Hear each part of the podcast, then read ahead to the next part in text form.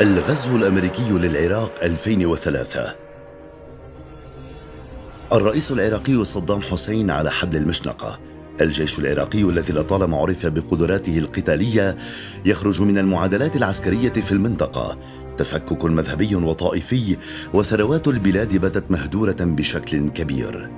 أكثر من مليون ونصف المليون بين قتيل وجريح ومفقود. وموجة نزوح كبيرة إلى الدول المجاورة والعالم. هكذا كان حال العراق بعد أن أتى الغزو الأمريكي على كل ما فيه حرفيا. شهر واحد يبعد العراق بكليته عن المنطقة. بعد الغزو العراقي للكويت تصاعد الخوف لدى الدول المجاورة والولايات المتحدة الأمريكية جراء تنامي قوة العراق عسكريا خاصة بعد استخدامه لأسلحة نوعية وكيماوية في حربه مع إيران. 16 قرارا للأمم المتحدة دعت فيها العراق للتخلي عن تطوير برامج أسلحته وبدأت الأمم المتحدة بإرسال مبعوثين ولجان تفتيش للعراق خلال فترة التسعينات للبحث والتدقيق وإتلاف ما تجده من أسلحة دمار شامل.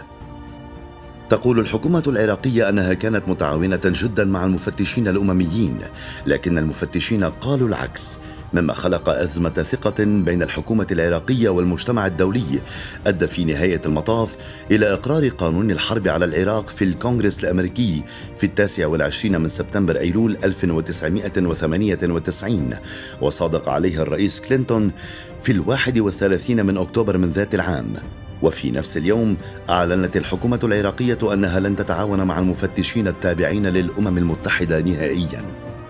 حدث مفصلي دفع بالإدارة الأمريكية لتغيير سياستها الخارجية ألا وهو أحداث الحادي عشر من سبتمبر أيلول 2001 التي أعلنت الإدارة الأمريكية بعد وقوعه عن مصطلح محاربة الإرهاب العالمي.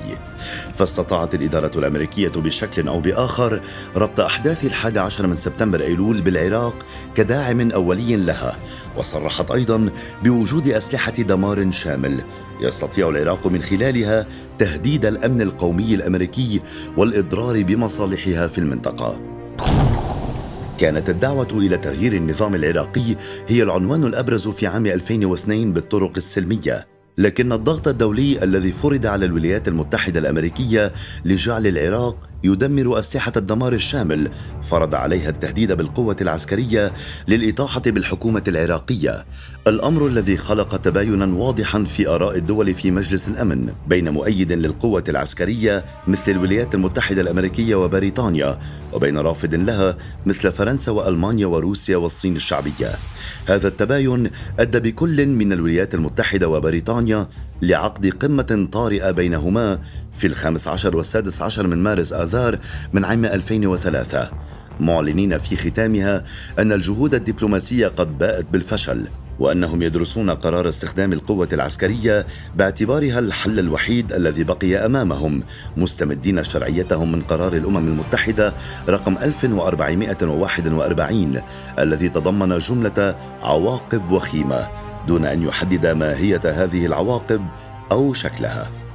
أما عربيا فدعمت الغزو بشكل علني كل من الكويت والسعودية نظرا لتجربتهم المريرة مع العراق خلال غزوه للكويت وسوريا أيضا. وذلك خوفا من ضمها لما تسميه الولايات المتحدة بمحور الشر وأن تكون الهدف التالي بعد العراق.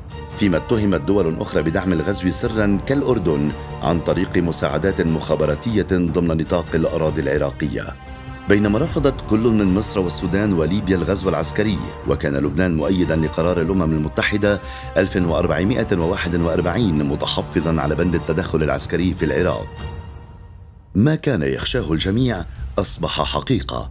تشكل تحالف دولي ممن أيدوا استخدام القوة في العراق كأستراليا وإسبانيا وبولندا بقيادة الولايات المتحدة وبريطانيا حيث أنهم كانوا قد بدأوا بحشد قواتهم في القواعد الأمريكية المتواجدة في المنطقة استعدادا للغزو.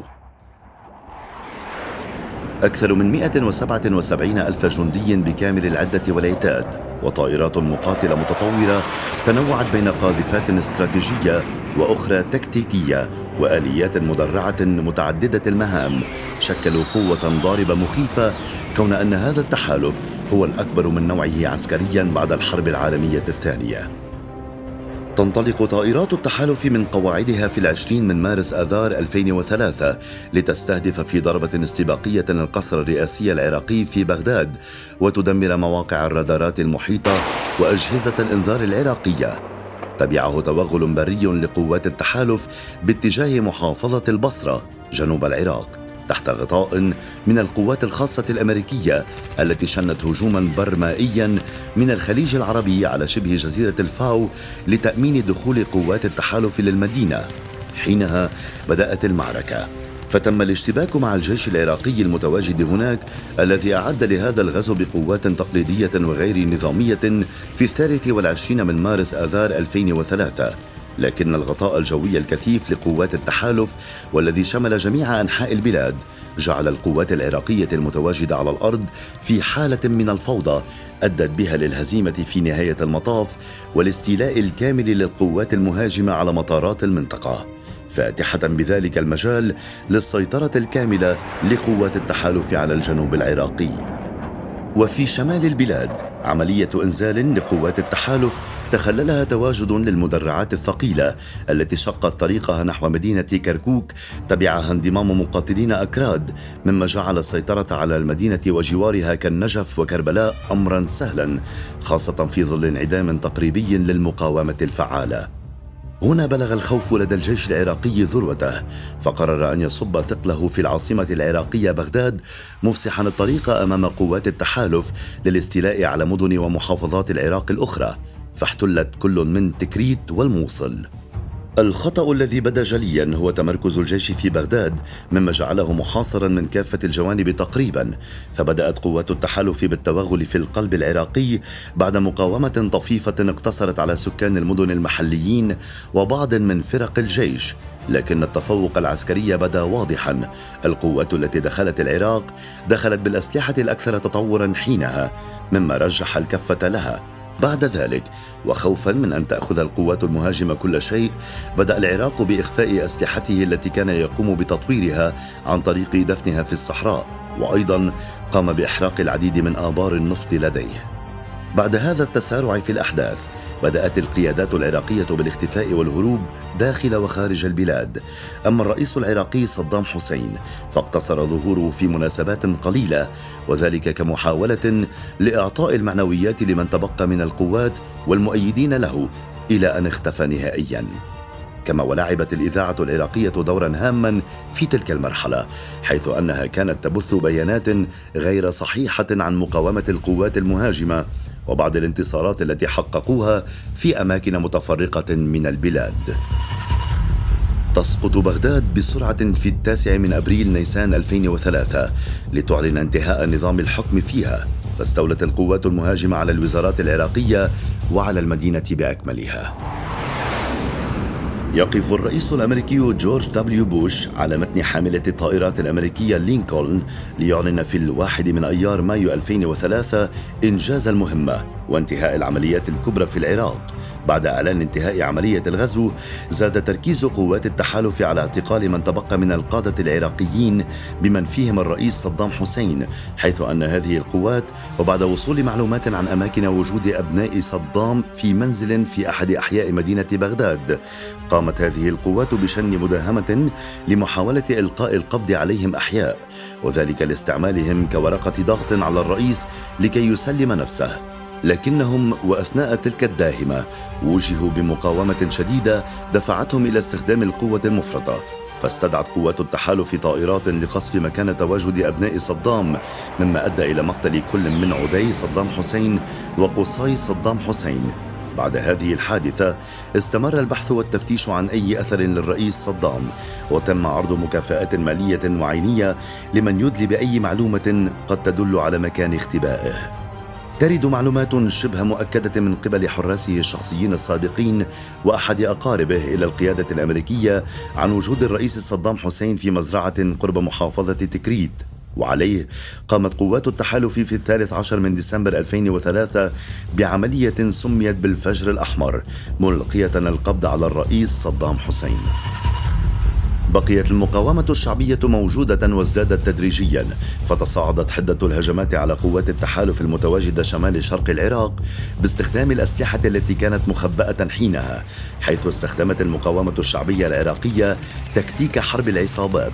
فكانت أكثر هذه الهجمات تقع في بغداد والأنبار ومحافظة صلاح الدين.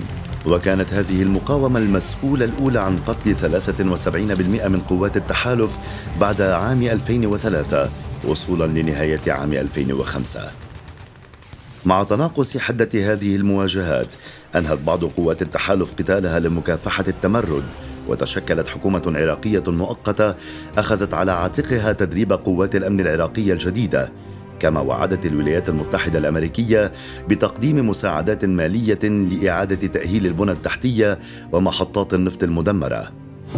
بعد اعتقال الرئيس السابق صدام حسين وبعض القيادات العراقية تم عرضهم على المحكمة الدولية حيث اتهموا بجرائم حرب عديدة واستخدام غير مبرر للأسلحة الكيماوية وارتكاب مجازر جماعية بحق الشعب العراقي خلصت هذه الجلسات التي امتدت لعام كامل تقريبا إلى إصدار قرار المحكمة باعدام الرئيس السابق صدام حسين شنقا في الثلاثين من ديسمبر عام 2006 منهية بذلك حقبة كانت صعبة جدا في تاريخ العراق والعالم أجمع. إلى اليوم. لم يزل العراق في حالة تخبط مذهبي وطائفي وما زال اقتصاده متزعزعا. حرب قضت على العراق الذي كنا نعرفه سابقا وتبعاتها بقيت مستمرة إلى يومنا هذا في ظل تخوف واضح من نشوب حرب أهلية تعيد اعتبار البلاد مرة أخرى كنقطة ساخنة.